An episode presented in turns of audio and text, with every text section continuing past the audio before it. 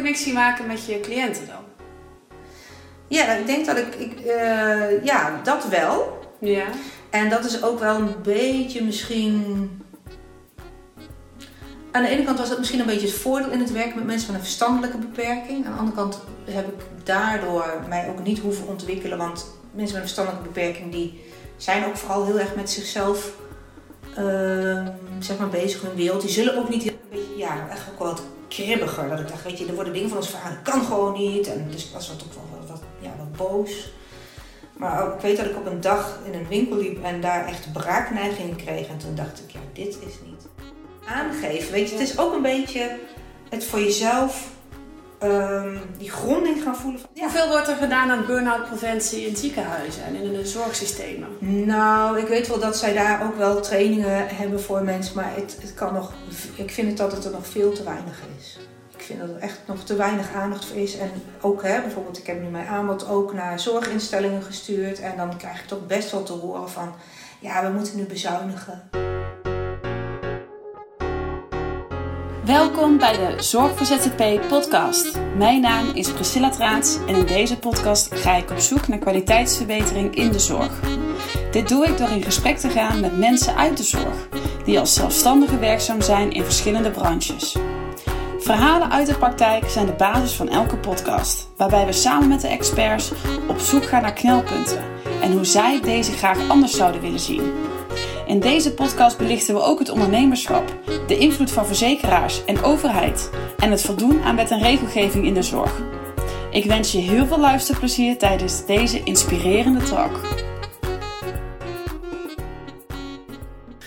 Welkom bij weer een nieuwe podcast waarin we samen op zoek gaan naar kwaliteitsverbetering in de zorg. En vandaag zit bij mij aan tafel onze nieuwe expert Nancy van den Heuvel. En uh, Nancy komt zelf uit de zorg en uh, is zich nu uh, volledig gaan richten op burn-out preventie en mindset. Welkom Nancy, leuk dat je er bent. Dankjewel, ik vind het ook leuk om hier te zijn. Ja, ik vind het echt. nou, we gaan met verschillende experts gaan we podcasts opnemen om ja, hun visie op kwaliteitsverbetering uh, te gaan bespreken tijdens deze podcast.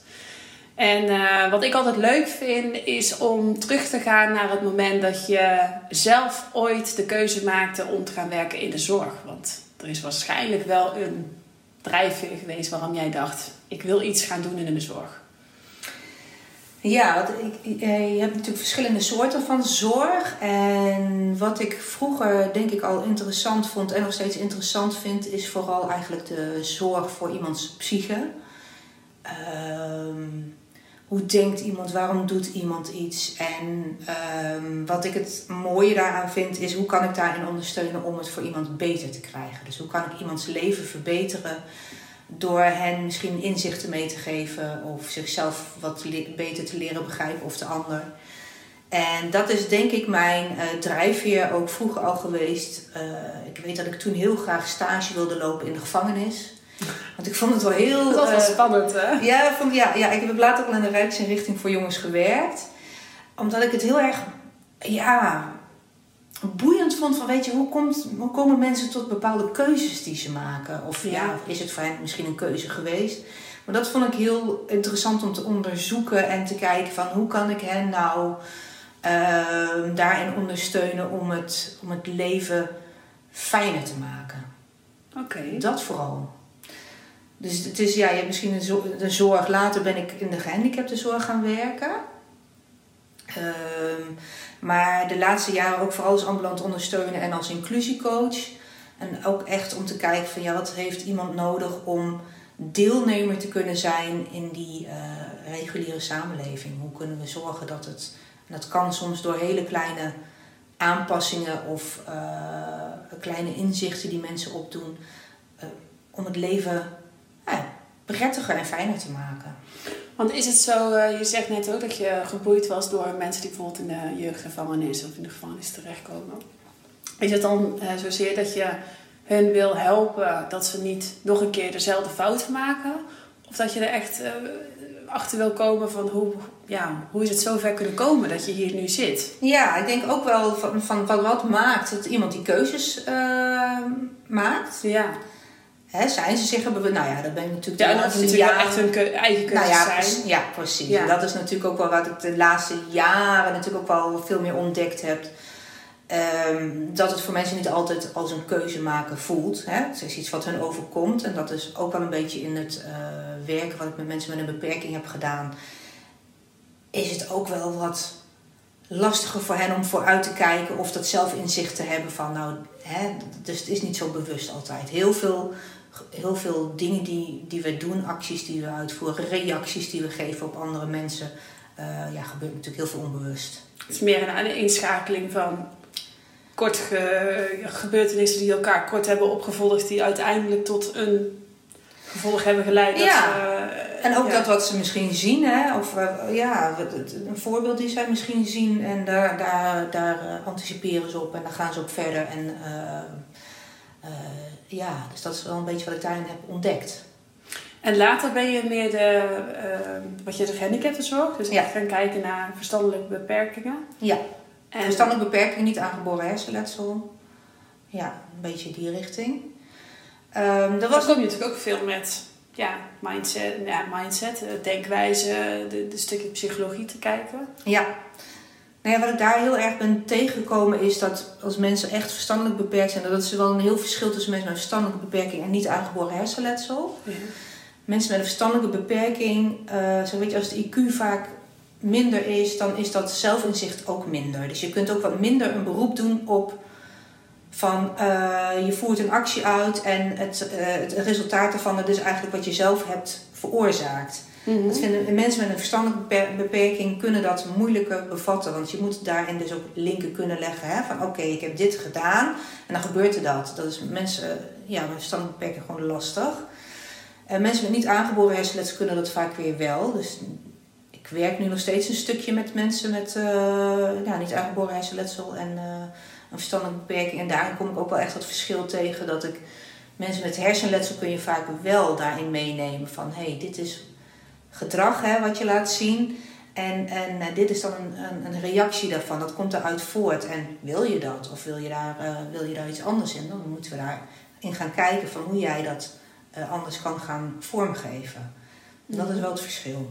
En wat is dat dan wat jou zo fascineert aan de manier van denken die mensen hebben? Ja, ik vind het gewoon heel... ehm, Is dat ook echt iets wat aan bod komt tijdens je opleiding en daarna ook in je werk? Ja, zeker. Ja, ik vind het heel erg... Waar ik mij vooral op richt... Hè, en ik, eh, nou ik heb natuurlijk zelf die eh, burn-out gehad. Is wat ik veel... Ik had zelf een revalidatietraject eh, gevolgd. En daarin werd heel erg opgezet, eh, ingezet op eh, sporten. Ja. Eh, er zaten een fysiotherapeut bij. En ehm, ja, ook wel een stukje mindset, maar ik miste daarin wel wat die diepgang. Want het gaat vooral om die verbinding met jezelf. Mhm. En ehm, waar ik nu dus van, hè, vanuit die stresspreventie of die burn-out preventie vooral ook op werk, is het eigenlijk kijken, hé, wat doe ik er nu in? Dus dat je ook dat stukje zelfreflectie en, en ook dat je misschien gaat begrijpen van waarom doe ik dat? En is dit nog nodig? Misschien was het vroeger nodig om zulke gedrag te vertonen of heel hard te moeten werken, denken dat je heel hard moet werken, want anders ben je niet goed genoeg. Of, Mhm. eh, Maar nou heb je het echt over dat je, hè, dat is de periode nadat je de burn-out hebt gekregen. Mensen, maar als je dan gaat kijken naar jouw beginperiode, dat je, wat je zei, was Ja. echt geïnteresseerd in bijvoorbeeld mensen hoe ze in een gevangenis terechtkomen of met verstandelijke beperkingen. Hebben zij ook, eh, k- heb je op, op, die manier kunnen begeleiden? Dus dat, dat, dat je mensen ook leert om, om toch voor hun het maximale uit zichzelf te halen? Of wat is, het, wat Ja. is de begeleiding die je hun kunt meegeven of wat je leert in? Nou ja, wat ik, wat ik eh, hen vooral meegeef, is dat ik bijvoorbeeld een paar opties heb. Dat mensen met een, een verstandelijke beperking, en dat kwam ik bijvoorbeeld in, eh, in, de, in, dat, in dat Rijksinrichting ook wel tegen de mensen met een hè, van wat lager IQ ehm, daar zitten. En dus ook wat minder begrijpen wat er om hen heen gebeurt. Het leven overkomt hen soms wat. Ja. En eh, waar ik hen dan in meeneem, is dat stukje even vooruitdenken. Van oké, als jij nu deze keus maakt, dan kan, dan kan er dit gebeuren of kan er dat gebeuren. En wat zou, je dan, wat zou je dan nu voor kiezen? Wat wil je dan? Wil je dan bijvoorbeeld nu wel eh, vandaag lekker eh, die nieuwe telefoon kopen. En dan is morgen het geld op om te eten.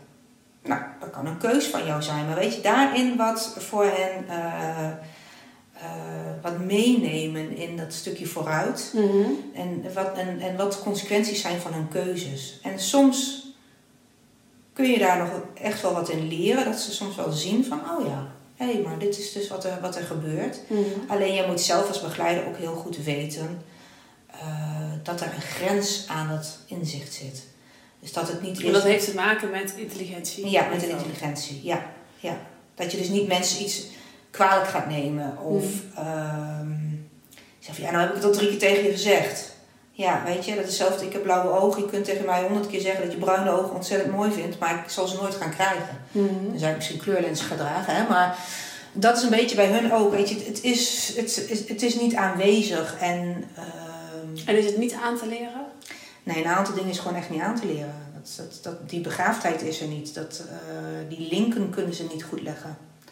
En dat is wel het verschil met mensen met niet aangeboren hersenletsel. Hè? Die hebben Ja. een, daar zit een defect in hun hersenen. Door een ongeluk. Door een ongeluk of een hersenbloeding bijvoorbeeld. Mhm. CVA.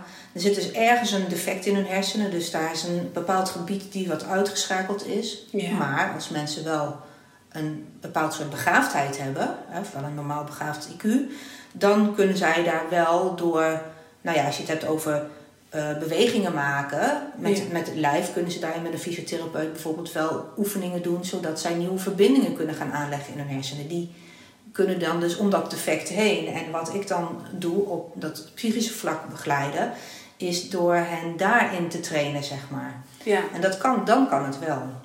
Maar soms zijn dingen gewoon niet aanwezig bij iemand. ja. Maar dan, heeft het, dan, dan, gaat het meer over het intelligentieniveau Ja. en niet zozeer over de hersenfuncties en het Ja. aansturen van het lichaam. Ja. Ja. En je bent, lange tijd ben je dus in loondienst als eh ambulant begeleider heb je gewerkt. Ja. En hoe ging dat? Want uiteindelijk ben jij zelf in een burn-out terechtgekomen doordat je zelf ehm, ja, een disbalans hebt opgelopen in jouw mind, in jouw... eh, hoe- Een flinke. ja, ja, want je komt niet zomaar in die burn-out natuurlijk, hè? Nee, nee. Nou ja, wat ik van huis uit heb meegekregen, en dat is denk ik ook wel een van de dingen waarom ik misschien de zorg in ben gegaan en misschien niet een opleiding als psycholoog of zo ben gaan volgen. Ja, want dat dacht ik in het Ja. begin. Ik waarom ben je nooit psychologie Ja. gaan studeren Nee. dan? Was het zo... Ja, nee, ik, ik heb van huis uit met de paplepel ingegoten gekregen dat je voor de zwakkere zorgt. Dus die ander die het minder goed kan of het minder goed heeft als jij, daar zorg je voor. En ehm, de keus die ik dus, en dat is natuurlijk allemaal onbewust, hè, want we kunnen terugkijken eh, van ja, waarom, doe je, waarom doe je dat of waarom heb je die keuzes gemaakt. Ik denk dat ik toen heel erg heb voldaan aan het beeld die, ehm, die, die mijn familie had van wat er van mij werd verwacht eigenlijk. Het was niet zozeer je eigen keuze, maar meer eh, waarvan je dacht dat je familie Dat ik goed bezig was. Ja, Ja. vanuit mijn familie. Als je voor die ander zorgt, dan ben je goed bezig. Dus ik was goed bezig. Alleen, ehm, ik was misschien niet zo heel goed bezig voor mezelf. En dat heb ik in die burn-out echt wel ontdekt. Dat- Want hoe, wat, wat deed je niet goed voor jezelf dan? Want, je, want net vertelde je wat je wel heel leuk vond aan je werk. En, Ja, ik Dat vind het nog steeds leuk. Alleen, ehm, wat ik eigenlijk een beetje vergat is dat, dat... En dat is misschien wel heel grappig, want ik werk natuurlijk ook als inclusiecoach. En dat is om mensen echt weer echt mee te laten doen in die samenleving. Dus niet mensen naar een vrijwilligersplek of een, eh, een, een dagbesteding te begeleiden. Maar dat mensen echt weer gaan ontdekken... hey joh, dit, dit, dit, dit is mijn identiteit. Hier ben ik goed in. Hiermee kan ik van betekenis zijn. Dus dat ze zichtbaar worden in die samenleving.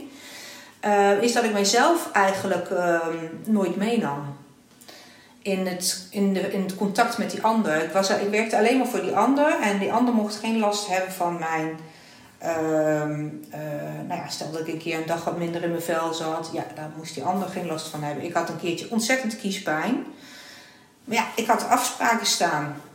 Dus toen heb ik eh, volgens mij met een, eh, een, een, hoe heet dat, een, een ontsteking in mijn kaak, een kaakontsteking, ben ik gewoon een paar dagen door gaan werken. Omdat ik dacht, ja, maar dat kan ik niet maken, want dat, daar kan hij niks aan doen. Mm. Dat ik last van mijn kaak heb.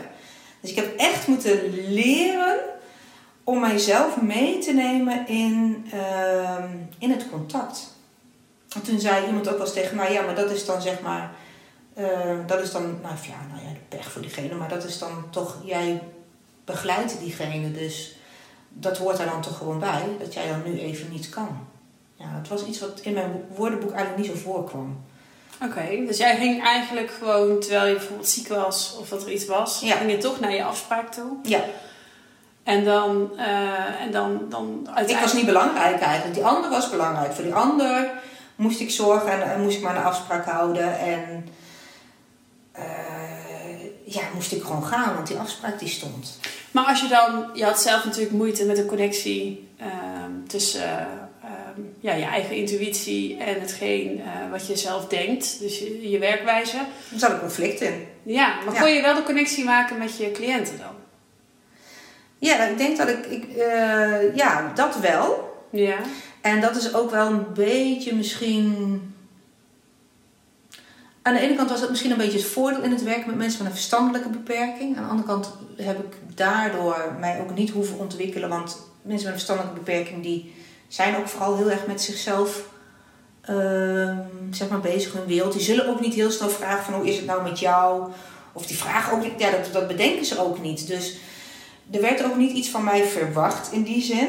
Dus het was ook prima dat ik er gewoon voor hun was. Ja, je kon hun altijd wel centraal stellen. Ja, dat ah, was... absoluut. Ja, alleen maar zij. Maar het is natuurlijk, ik moet zorgen, ik moet mezelf meenemen in dat contact met die ander. En dat is echt iets wat ik heb moeten leren. En toen kwam je in een burn-out terecht. Hoe lang is dat geleden? Eh, vijf en een half jaar geleden. En hoe merkte je dat? Nou, ik, m- me- eh, ik had ervoor al wel een beetje dat ik, dat ik wat eh geïrriteerder was en ook wel vermoeid. Eh, eigenlijk zoiets had van, ja, ik werd ook een beetje, ja, wel wat kribbiger. Dat ik dacht, weet je, er worden dingen van ons vragen, dat kan gewoon niet. En dus ik was wat, ook wel wat, ja, wat boos. Maar ook, ik weet dat ik op een dag in een winkel liep en daar echt braakneigingen kreeg. En toen dacht ik, ja, dit is niet, volgens mij is dit niet meer oké. Ik had altijd nog een beetje het idee van, nou, weet je, even de schouders eronder en dan, het is nu even zwaar, hè, dat voelde ik ook wel. Eh, maar over twee weken, weet je, dan word ik misschien wel weer wat rustiger en dan, dan kan ik ook weer een tandje terug eh, pakken en dan komt het vast wel goed. Dat is wel wat ik altijd eh, heb gedacht. Mhm. Alleen toen ik echt in die winkel rondliep en, en, en, en die mensenmassa om me heen en daar braakneiging van kreeg, toen dacht ik, nou nu moet ik wel echt aan de bel gaan trekken. Dus toen heb ik ook meteen een afspraak gemaakt met de huisarts. En kon ik een dag later naar hem toe en toen zat ik nog heel erg in de regelmodus. Hè, van goh, ik denk dat ik een burn-out heb. Nou, dat dacht hij ook. En ehm, ik wilde meteen nog even door gaan handelen. Van nou, hup, dan moeten we even, moet ik misschien gewoon even een week of twee weken thuis blijven. En dan, hup, wie pakt even mijn klanten over? En nou, ik, ik dacht dat het allemaal nog wel even op te lossen was. En dat was niet. Nee, nee. Want hoe lang heb je erover gedaan om helemaal te herstellen? Nou, En echt wat gebeurt er na je herstel? Want nu ben je burn-out en, en preventiecoach. Dus Ja. je, be- je begeleidt mensen die in een burn-out zitten eh, na herstel. Ja, Hou en ik liever ervoor. Dus mensen die eigenlijk al de symptomen misschien van, weet je, ik ben vermoeid. is wel moeilijk, denk ik. Hè? Ja, is lastig. Want vaak eh, de mensen Ik die heb het zelf ook niet kunnen herkennen. Nee, Nee, nee, nee. Maar bij preventie heb je het wel meer te maken. Heel veel organisaties zijn er steeds meer mee bezig om het eerder te kunnen signaleren. Ehm, en, en Het daar scheelt kun je heel veel eh, hersteltijd natuurlijk en kosten voor een organisatie om eh, Ja, daarop ja. in te zetten. En, en leed voor jou natuurlijk ook als degene die in die burn-out terechtkomt. Ja, als jij eh, kijkt naar jouw herstelproces, Mhm. ehm, hoe lang heb je erover gedaan? Hoe zag dat herstelproces eruit? Nou, mijn herstelproces is dat ik in het begin eventjes gewoon echt, echt even afstand had. Eh, een paar weken later kwam ik bij de bedrijfsarts terecht en die had al heel snel weer zoiets van, weet je, je moet het, eh, hè, dat is wat ze altijd zeggen, van als mensen volgens mij vier weken uit het uit een team zijn of van het werk dat die afstand al zo groot wordt dat, het, dat de drempel heel hoog wordt om terug te komen. Dus ik snapte zijn redenatie toen wel. Van, nou, ik moest eigenlijk gewoon alweer de mail gaan lezen en daar wat mee doen. Ja, dus ik, dus ik, ik verbaasde mezelf. Waarom was ik eigenlijk al zo snel weer... Voor mijn gevoel zat ik er eigenlijk al heel snel weer in. Terwijl ik was natuurlijk gewoon thuis en ik las de mail. Eh, maar dat heeft mij juist helemaal geen goed gedaan. Echt die... dat Zulke slechte adviezen worden er echt heel veel gegeven. Ja. Ja. Daar zou ik ook ooit nog een keer wat mee willen doen. Ja. ja. Ehm, want ik snap die bedrijfsarts dat hij natuurlijk graag wil dat je weer snel aan het werk gaat. ja. Maar het heeft bij mij denk ik juist het allemaal heel erg vertraagd. Kijk, ik was helemaal niet... Ik had concentratie van een goudvis. Ehm, er werden dingen van mij... Ja, weet je, je moet of met mensen, hè, naar, die mensen toe... of je moet administratie doen. Dat is vooral waar het werk uit bestaat. Nou, dat waren gewoon... Dat kon ik niet. Ik voelde me echt een heel eh, zwak lammetje, zeg maar. Opeens kon je wel je grens aangeven. Ja, ik moest toen wel. Ja. Ja, ja. Want die, wat je net daarvoor zei, ja, ik, eh, ik had kiespijn, ik ben gewoon doorgegaan. Ja. Maar nu kon je niet meer. Je kon niet Maar ik kon mijn grenzen niet meer negeren. Nee, Nee. nee. dat moest echt. eh, ja, dus vind ik aan de ene kant wel jammer dat je het zo dat ik dit nodig heb gehad om die grenzen te kunnen eh, gaan erkennen. Mhm. Eh, ja, maar aan de ene kant, het is zo gegaan. En nou weet je, ik, ik moest eigenlijk al, er werd iets van mij verwacht wat ik nog niet kon bieden. En dat geeft dan ook weer een soort frictie bij je collega's, want die hebben dan ook eigenlijk zoiets van, ja, wat, wat is nou de bedoeling en eh, wat kunnen we dan wel aan jou vragen? Dus ik vind het zelf, ik zou nooit adviseren om zo snel alweer eh aan het werk te gaan. Weet je, mensen willen graag werken. Dus als jij in staat bent om weer te gaan werken, en ik denk dat het wel goed is om af en toe eventjes contact te hebben. Maar om, dus voor mij ook een, het geval wat ik had, dat je gewoon na een paar weken eigenlijk alweer de mail moet gaan lezen. Ik heb voor mijn gevoel eigenlijk niet, niet echt mogen rusten. En dat was ook in het revalidatietraject die Dat door... vind ik op zich best wel vreemd. Als Ja. je in de zorg werkt. Kijk, als je bij een groot eh, ja, private sector werkt. En, en, en de bedrijven, een commercieel bedrijf. En die willen dat jij zo snel mogelijk weer aan de slag gaat. En de kennis over burn-out en overspannenheid is er niet. Dan zou ik zoiets nog best begrijpen. Maar je werkte in de zorg. Ja. En dan ook nog eens in de... En zorg is niet altijd zo soft als dat mensen denken hoor. Nee, niet, niet zozeer dat ik bedoel dat het, dat het, dat het soft is, maar ehm, als ik eh, jouw jouw vakgebied Ja. heeft heel veel te maken met de psyche van de mens. Ja. En dat er dan eh, op zo'n manier met iemands herstel om wordt gegaan, vind ik dat wel vreemd over, ehm, nou misschien ook wel de kennis van zaken die er dan Ja, is. de kennis van zaken. En, maar dat is wat ik natuurlijk op meer gebieden wel tegenkom, is dat mensen het willen natuurlijk liefst zo weinig mogelijk geld uitgeven. Dat snap ik. Alleen, eh, ook daarom wordt eigenlijk, zou ik denken als bedrijfsarts, je wil natuurlijk, je hebt een soort afspraak misschien met een organisatie dat mensen weer snel aan het werk moeten. Ehm, maar ja, om mensen het snelst weer aan het werk te krijgen, is door hen echt even met rust te laten. Ja, Dus ik denk dat het een soort, dat, het, dat wat je graag wil, eh, dat het juist tegen, tegengestelde werking heeft. Ja, heel jammer en niet slim. ik vind het Nee. niet slim. nee. Ehm, Ben je daarna ook teruggegaan naar je herstel bij het bedrijf waar je toen werkte? nee, ik heb, ik heb eigenlijk in mijn burn-out, Vaak hoor je dat mensen dan ook heel hun leven gaan omgooien. Ja. Dus dat ze totaal opnieuw beginnen. Of... ik heb no, echt nooit de ambitie gehad om voor mezelf te gaan werken. Maar in mijn burn-out gingen ineens al die regels en die dingen, de verwachtingen die voor ons gesteld werden, dat ik eigenlijk dacht, ik kan hier niet meer in mee. Nou ja, dat wat jij nu eigenlijk ook zegt, dat jij verwacht dat zo'n bedrijfsarts die in, in, in de zorg, hè, dat die wel begrijpt hoe die psyche een beetje in elkaar zit en wat nou daarin handig is. Nou, dan bedrijfsarts is toch iemand die wel behoorlijk opgeleid is. Dus ook dingen zou kunnen, hè, wat je verwacht, dat zou kunnen snappen hoe het werkt. Maar blijkbaar is dat dus niet altijd zo. Nou, ik vind het wel eens vreemd dat dat soort trajecten afhangen van een persoon. Ja. Ehm, en dat er bijvoorbeeld niet gekeken wordt naar mensen die daar echt in gespecialiseerd zijn. Om bijvoorbeeld extra expertise los te laten op iemand die... ehm, ja, kijk, als je Nou ja, een vraag aan eh, iemand wat hij wat nodig heeft. Hè. Kijk, ik Ja. voelde me toen echt, heel, echt een zwak lammetje. Dus Ja. ik, was toen ook nog heel... Dat wat mij gezegd werd, dat deed ik eigenlijk. Heel braaf. mhm. Ik kon toen ook geen eh, weerstand zeg maar, bieden. Mijn grens was toen ook echt nog even... Ja, die was gewoon even helemaal weg. Maar ik denk als iemand zou vragen, weet je, en daar, dat is ook wat ik in mijn werk ook heel belangrijk, dat je samenwerkt. Dat je samen kijkt, oké, wat heb jij nodig? Wat heb jij nodig? Maar wist je wat je nodig had in het begin? Nou, ik denk dat ik wel had kunnen zeggen dat ik rust nodig had. Ja. En dat is precies En hoe lang dat zou gaan duren, dat, dat wist ik natuurlijk niet. Want ik Nee. had het idee, nou, dat, zo lang gaat het niet duren. Maar ehm, dan zou je natuurlijk steeds stap voor stap even kunnen... Hé, hey, hoe is het nou? Als jij nu uh, iemand uh, moet gaan begeleiden, want kijk, het is natuurlijk voor een bedrijfsarts niks ten nadele van iemand die een bedrijfsarts is, maar nee. die moet natuurlijk heel veel verschillende ziektebeelden uh, ja. beoordelen en, en die mensen begeleiden naar weer een zo spoedig mogelijk herstel. En uh, een gebroken been staat volgens mij zes tot acht weken voor. Uh, en dat is veel concreter, hè? Heel concreet om natuurlijk te beoordelen. Ja, en die zie je ook. Het gebroken been zie je. En zie je. Ik zag er nog, eigenlijk nog prima uit. Ja. Uh, ik was nog best wel actief, vooral in het begin ook. Dat ik echt wel, dus ik was niet iemand die onderuit gezakt in de stoel zat. Maar ik was wel heel moe. Maar dat was ik wel best wel gewend om natuurlijk nou, mezelf aan de kant te zetten. Wat ik ook wel vertelde, dat ik bij mijn klanten kwam en wel kiespijn had, maar dacht, ja, daar mag ik zeggen geen last van. Dus dat was een patroon die ik gewend was om. Dus je uh, deed je misschien ook een beetje beter voor bij je begrijp. Ja, ik was het wel gewend om mezelf eigenlijk niet, daarin niet zo te laten zien. Dus dat, dat, dat, is, dat was dan ook eigenlijk wel weer een nadeel voor mijzelf. Maar ik denk dat hij misschien ook het idee had van, nou, ze ziet er prima uit, komt wel weer, uh, hè? Ja. dan gaat het wel weer goed. Maar daarin is denk ik heel belangrijk om in verbinding te zijn met je klant, waar je op dat moment mee werkt. En dan vraag je, maar hoe, hoe is het dan nu? Wat heb jij nu nodig? Nou ja, is er in de zorg nog veel onwetendheid over deze moderne ziektebeelden? Want ja, ik heb volgens mij uh, ja.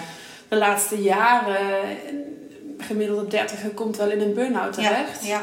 Um, en dat natuurlijk heeft alles te maken met de huidige maatschappij, maar ook de transitiefase waar we nu met z'n allen in zitten. Uh, in de moderne wereld, uh, dingen die veranderen. Uh, Keuzestress. Ja, de, de wereld is nu ook gewoon anders dan dat die 40 jaar geleden was. Absoluut. Ja. Um, maar is het zo dat er in de zorg nog veel onwetendheid is over deze Ja, dat vind ik wel. Ja. Als ik zie hoe. Uh, Want jij bent nu burn-out en preventiecoach. Ja. En dat ben je geworden omdat je daarin misschien het verschil Ja, mijn eigen ervaringen. Ja, en ook heb ervaren wat uh, wel kan. Hè? Want ik werk met individuen, maar ook wel met teams. Uh, ik ben zelf systemisch werken en uh, pas bijvoorbeeld holding space toe, dat, dat er nog veel te veel op die buitenkant wordt, hè, of een beetje dat de symptomen wordt, ge, uh, dat daar aandacht voor is, terwijl het eigenlijk niet echt wordt gekeken naar wat zit er nou op die laag daaronder. Mm En uh, als ik nou, hè, kan eigenlijk voor mezelf natuurlijk spreken hoe ik het heb ervaren, dat ik denk, oh wat jammer dat uh, er soms even geen tijd wordt gegeven aan wat daar nu speelt. En wat ik zelf heel erg met teams dus ook doe, is dat vooral teams in veranderen, waar ik zelf toen ook in zat. Hè. Bij ons was ook heel veel veranderd in het team. De teamleider die, was, die functie was gestopt, dus we hadden geen teamleider meer. We moesten het allemaal zelf doen. Ehm, de functie van iemand verandert, dus eigenlijk laat jij ook iets achter. En dat stukje is waar ik heel erg uh, mij op richt. Dat je ook als een team misschien eventjes afscheid mag nemen van hoe het is geweest. We willen heel erg vooruit. Ja. Hè, want dit is wat van ons verwacht wordt. We moeten die kant op. Maar eh, wat ik dan ook altijd uitleg, weet je, maar naast ons eh, eh, ligt er ook nog iets wat aandacht wil. En dat, daar moet eerst naar gekeken worden voordat we weer verder kunnen. En dat is wat je als team nodig hebt. Mm dat is, anders krijg je ook mensen die achterblijven. Dat is ook een, uh, waardoor mensen ook in een burn-out terecht kunnen komen. Kijk, dat heeft invloed op zo'n, op zo'n heel uh, team met medewerkers. En voor het individu is het ook eigenlijk in het echt kijken van nou, hoe kun jij die verbinding weer met jezelf vinden. En jezelf, nou ja, wat ik natuurlijk ook heel erg gemist heb. Uh, dat je je grenzen gaat, überhaupt gaat herkennen. Hoe komt het dat zoveel mensen zo gedisconnect zijn met, hun, met zichzelf? Ja. Want jij richt je voornamelijk op mensen die, net als jij, uit de zorg komen. Nou, de zorg is natuurlijk een mega brede sector. Ja. Ehm, maar jij zou in principe uh, zorgverleners die op de kraamafdeling werken, zou jij kunnen begeleiden. Ja. Ehm, op het gebied van preventie, maar wellicht ook op mensen die reeds uitgevallen zijn. Ja. Ik denk dat het stukje, nou weet je, hoe jij het noemt, het disconnection met jezelf, is. Uh, er is heel veel te doen steeds. Hè? We, we, we, we, kunnen 24 uur per dag online in verbinding zijn met van alles en iedereen, maar daarmee ben je juist niet in verbinding met jezelf. Er wordt ook wel meer van ons gevraagd. Hè? Het moet allemaal uh, sneller, goedkoper, efficiënter. En daarin, weet je, mensen missen eigenlijk een beetje een stukje, ja, klinkt misschien wel stom, maar mensen die in een burn-out zitten, die, die hebben eigenlijk even wat leegte nodig. Ze zitten veel te vol. Veel te vol met allerlei input wat we allemaal binnen laten komen en wat ook binnenkomt hè, door alle media.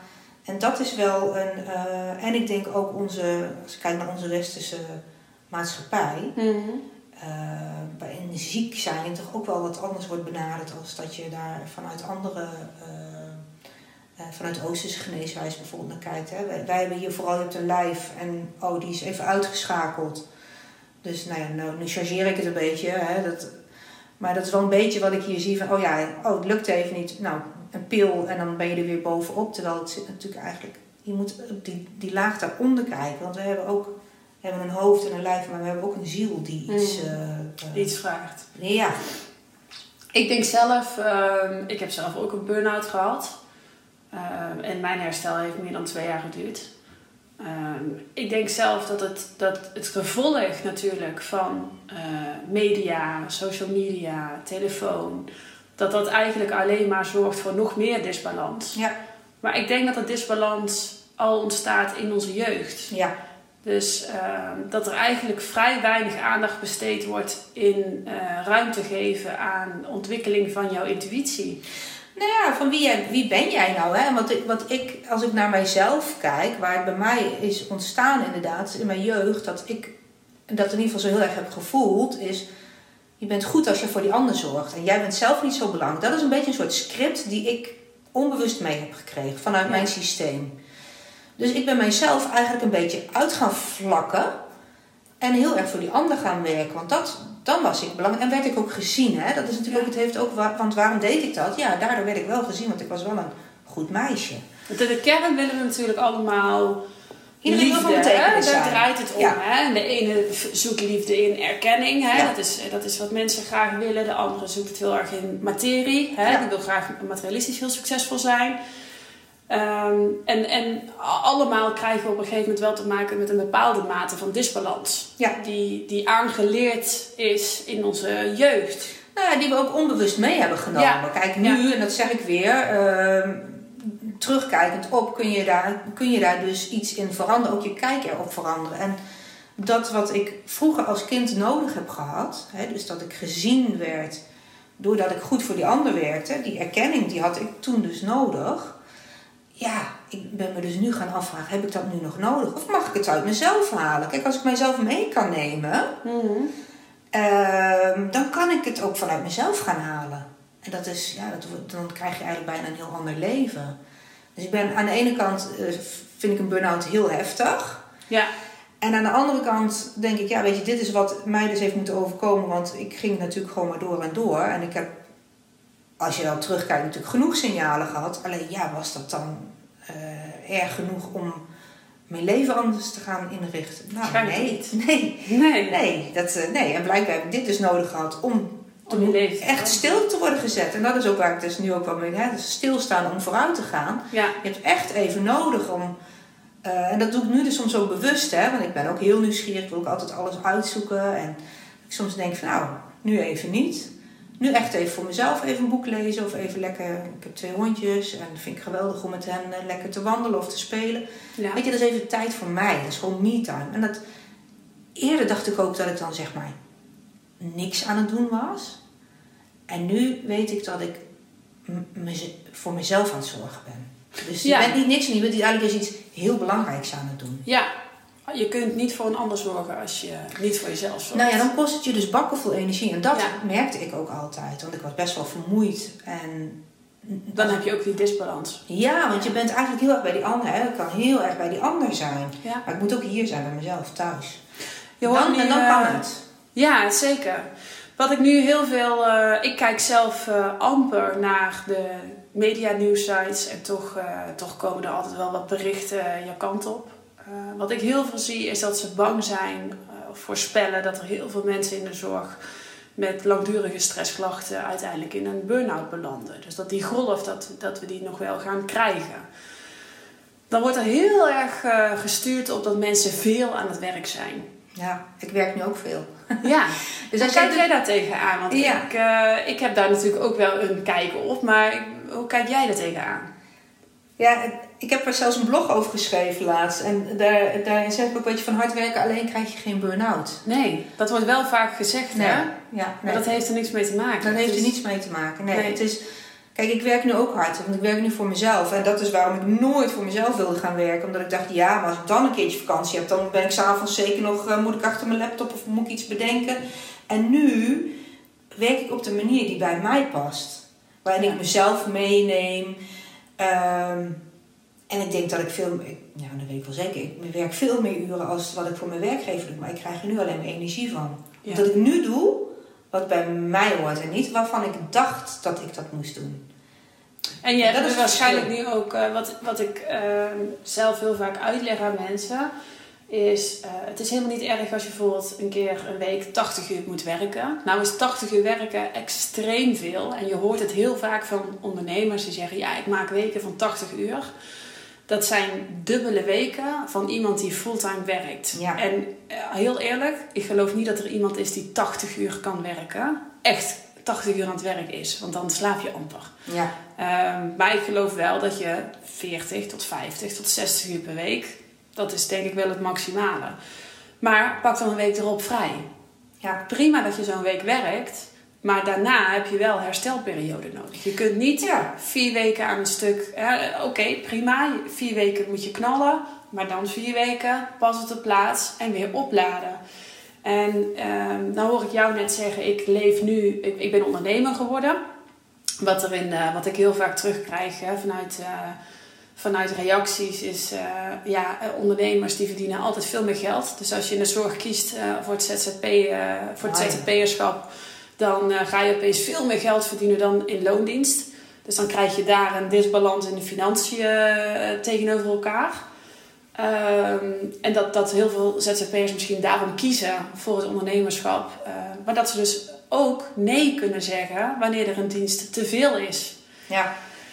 En dat mensen in loondienst die ruimte veel minder hebben. Dus dat zij moeite hebben uh, met de balans te vinden tussen uh, grenzen aangeven, tussen haalbaarheid, maar ook de keuze voor natuurlijk de financiële middelen.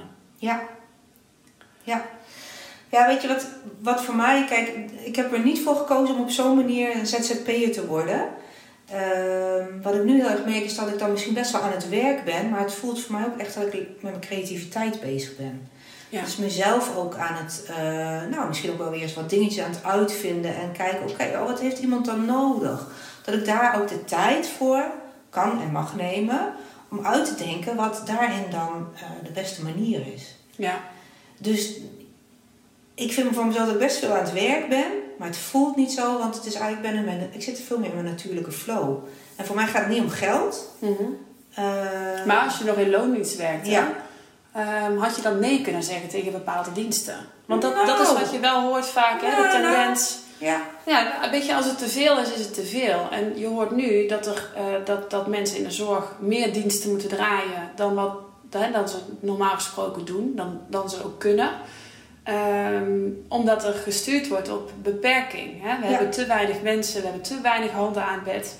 En de verantwoordelijkheid wordt dan neergelegd bij het personeel. Ja, nou ja, dat, dat heb ik ook wel ervaren. En dat is ook wel een van de keuzes geweest dat ik dacht, ik wil, ik wil nu voor mezelf gaan bepalen waar mijn grens ligt. Ja, Bij ons werd toen ook eigenlijk wel, er werden dingen van ons verwacht. Wat ik niet goed van ons vond, is dat wij.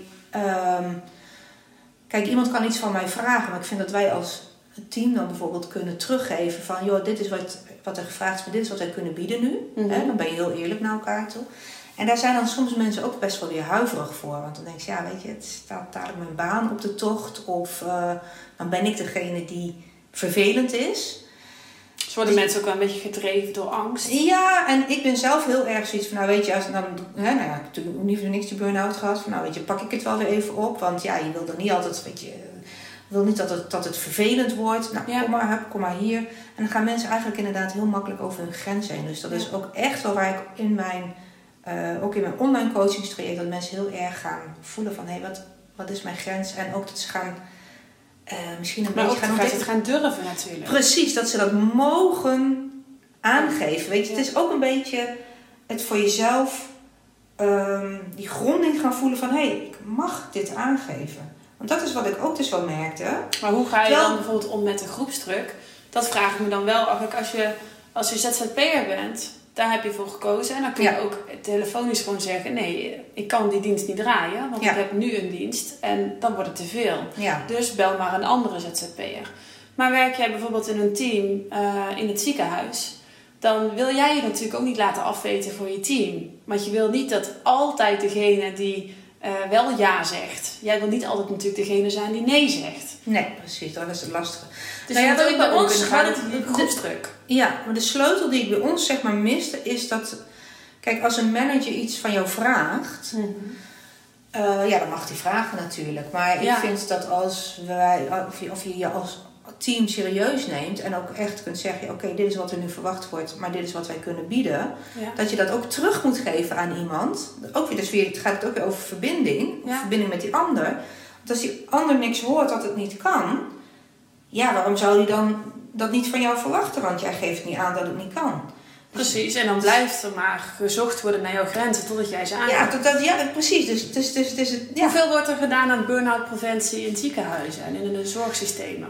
Nou, ik weet wel dat zij daar ook wel trainingen hebben voor mensen, maar het, het kan nog, ik vind het dat het er nog veel te weinig is. Ik vind dat er echt nog te weinig aandacht voor is. En ook hè, bijvoorbeeld, ik heb nu mijn aanbod ook naar zorginstellingen gestuurd en dan krijg ik toch best wel te horen van, ja, we moeten nu bezuinigen dan denk je, ja jongens, weet je, maar dit is een training die, waarvoor je met drie à vier werkdagen is die training eruit. En als mensen echt in een burn-out terechtkomen, ben je ze gewoon gemiddeld negen maanden kwijt. En nou, jij zegt ook, jij bent twee jaar bezig geweest. Ik ben ook denk ik wel twee jaar bezig geweest.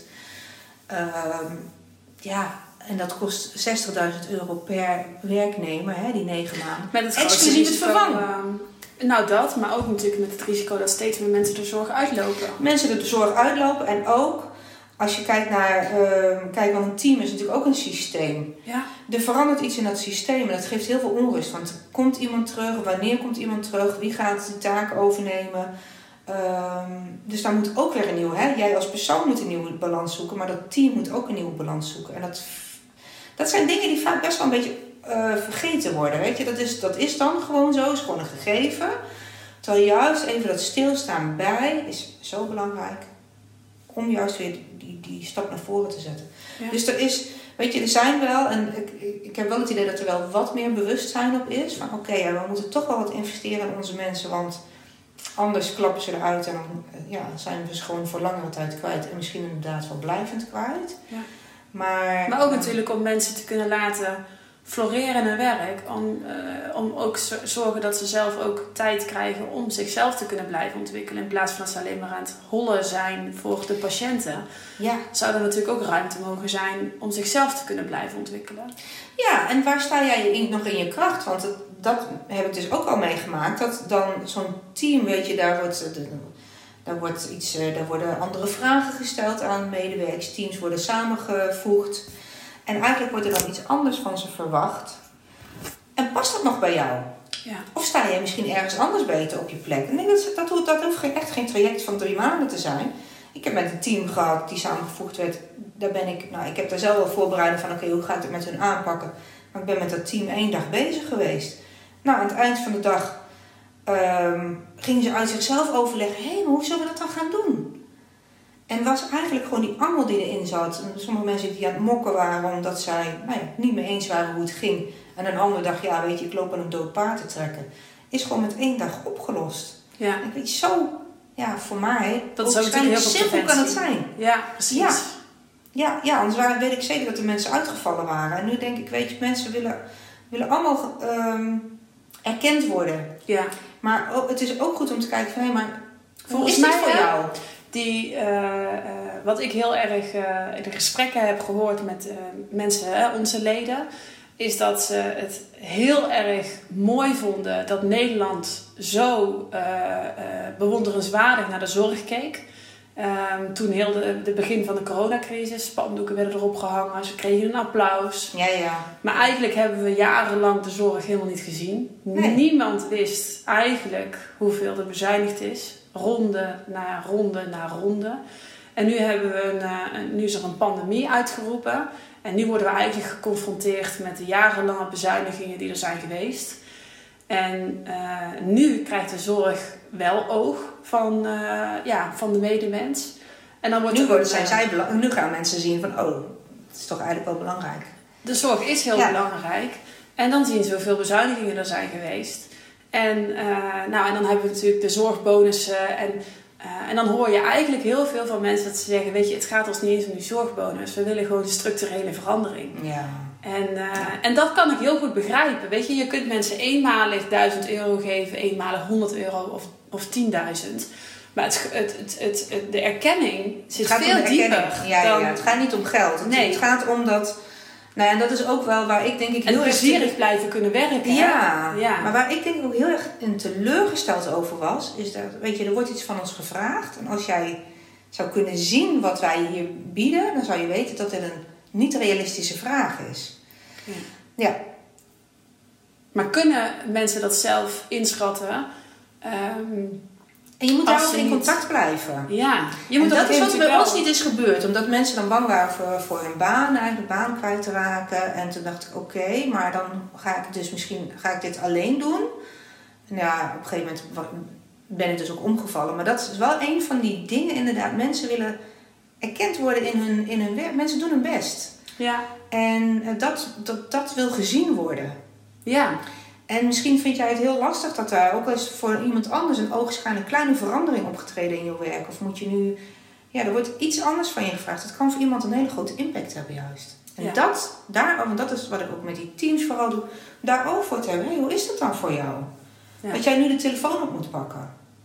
Ja. Van een ander waar- waarvan jij en ik misschien zouden denken, ja, ja, helemaal geen punt. Maar sommige mensen vinden dat juist heel erg spannend en maakt voor hen, nou ja, dat ze eigenlijk veel groter dan... ja, en dat ze dus eigenlijk voor hun een burn-out op de loer ligt. Dus of je moet of hun taken gaan aanpassen, of dat ze gaan leren eh, dat telefoneren misschien niet zo spannend hoeft te zijn. Ja, Dat ze de lat voor zichzelf wat lager kunnen leggen. Nou ja, misschien kom ik niet meteen uit mijn woorden, maar is dat dan erg? Weet je dat? Maar dat, het, het, het vraagt wel om gezien te worden. ja, En dat is wat ik dan nog wel eens een beetje mis. En die verbinding. ja.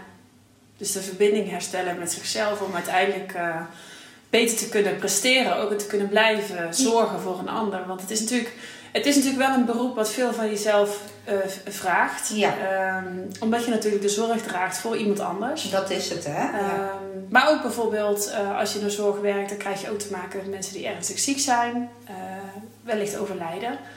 Ehm, maar je krijgt in sommige gevallen te maken met nieuwe geboorten, Ja, ehm, ook. complicaties. Dat komt best wel veel eh, op, op mensen af. Ja, je zit best wel in het leven, tenminste sowieso in die Je hebt ook verwerking nodig, hè? Dat, ja. Ja. Nou ja, dat. Weet je, ook dat kost tijd. Hè? Ja. Je zit, komt soms best in heftige situaties terecht. En ook mensen die zelf misschien niet zo ehm, het inzicht hebben wat zij nu allemaal hebben, bijvoorbeeld hebben aangericht. Er gebeuren soms best heftige dingen. Ja. Ja, daar even die, die, die tijd voor te hebben om het voor jezelf, hè, want wij begrijpen dat dan wel. Van oké, maar. Ik vind daarom ook heel belangrijk in de, in de, de wet waar wij ons mee bezighouden, de BKKGZ, is reflecteren opgenomen als wettelijke eis. Ja, En ehm, ik vind dat echt een van de allerbelangrijkste dingen ehm, om eh, groei te kunnen realiseren. En niet zozeer Ja. altijd alleen maar verbetering in de zorg, maar juist van de mensen die in de zorg werken. want die moeten het doen. Die moeten het doen. En je moet eerst voor jezelf zorgen. Ja. Voordat je, weet je, dan, in ieder geval blijft die balans. Als jij eerst voor jezelf kunt zorgen, kun je ook voor die ander zorgen. Je moet zelf een zeggen, balans dit, dit is te veel voor mij. Of Ja, nu ga je, kijk, wat ik ook deed. Weet je, je wil, aardig, je wil aardig gevonden worden. Je wil goed voor die ander zorgen. Dat was dat script ook wat ik mee had gekregen. Hè, of meegenomen. Ehm, dus je denkt ook dat je iets moet doen. ja, Maar als jij bij jezelf echt kunt voelen van hé, maar eigenlijk vind ik dit helemaal niet prettig. Of het is helemaal niet waar, waar ik gelukkig van word. Of dit kost mij eigenlijk energie. Dat misschien ook al. Dit kost mij eigenlijk gewoon heel veel energie. ja. Misschien kun je dan aan een collega vragen, joh, wil jij dat dan doen? Maar als je niet bij jezelf bent, kun je het ook niet voelen. Nee. Dan kun je het ook niet erkennen eigenlijk. Nee, en misschien dat mensen ook gewoon de oplossing eh, al willen bedenken voordat ze überhaupt hebben aangegeven dat ze iets niet willen. En daarom Ja. eh, het niet kunnen overzien en het dan maar blijven doen. Eh, Omdat je het altijd zo ja, doet. precies. Ja. Ja. Ja, ja, ja. In, ehm, nou, je bent eh, toegevoegd aan ons team van experts. En je Ja. gaat eh, onze leden en nieuwsbrieflezers eh, voorzien van tips op het gebied van nou, stresspreventie eigenlijk. Dus hoe je beter ehm, ja, in balans kunt blijven. Ehm, ik denk zelf dat het enorm waardevol is, omdat mensen in de zorg, hoe groot die zorg ook is, de complementaire leeswijze, de, de, de, de reguliere zorg, maar ook de, de psychologen, psychiaters, ook die moeten zelf in balans zien te blijven. Ja, absoluut. Ehm, wij werken alleen maar met ondernemers, dus alleen maar mensen die uh, zelfstandig uh, werkzaam zijn. En um, voor hen is het natuurlijk super belangrijk om die balans met zich um, in hun eigen onderneming ook te blijven vinden. Ja. En ja, ik vind het echt heel erg uh, waardevol dat we daar ook aandacht aan besteden. Uh, niet alleen maar aan het wettelijk deel van het ondernemerschap en alle zaken op het gebied van winstgevendheid en financiële zaken, belasting.